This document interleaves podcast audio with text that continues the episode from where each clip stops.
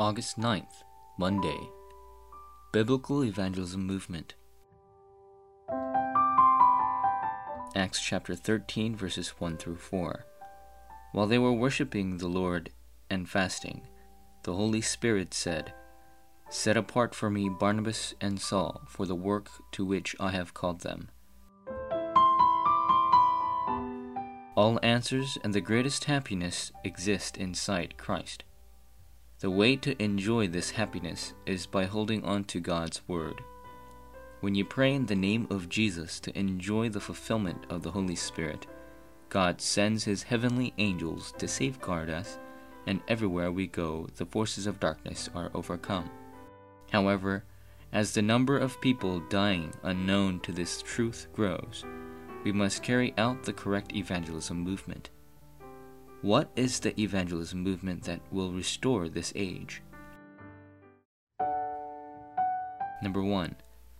Importance of the evangelism movement.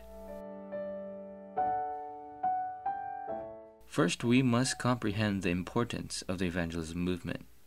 No religious branch and organization can overcome the culture of darkness.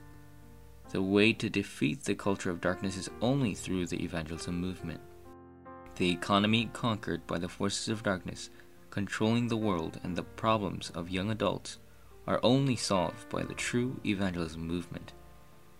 In this way, the value of the evangelism movement is tremendous. Number two, the core of the evangelism movement.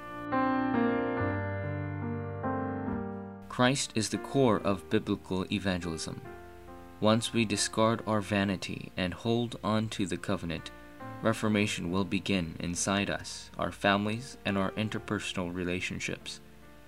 If we are liberated from the culture of vanity and correctly grab onto Jesus Christ, then our field will be reformed. Therefore, amazing answers begin inside Jesus Christ. Number three, correct missions for the evangelism movement. Change all motives to missions. If you possess alternative motives, then you must absolutely cannot receive correct answers. God will attach disciples when you realize the value of evangelism and the mystery of Christ. As you pray for the salvation of lost souls, from then on you must establish a system for the reproduction of the evangelism movement. This is the regional church setting the evangelism movement that has been commissioned by God as your motive will bring great answers. Forum topic What do I have to do with the evangelism movement? Am I pretending to do it, possess it, and act like it is taking place?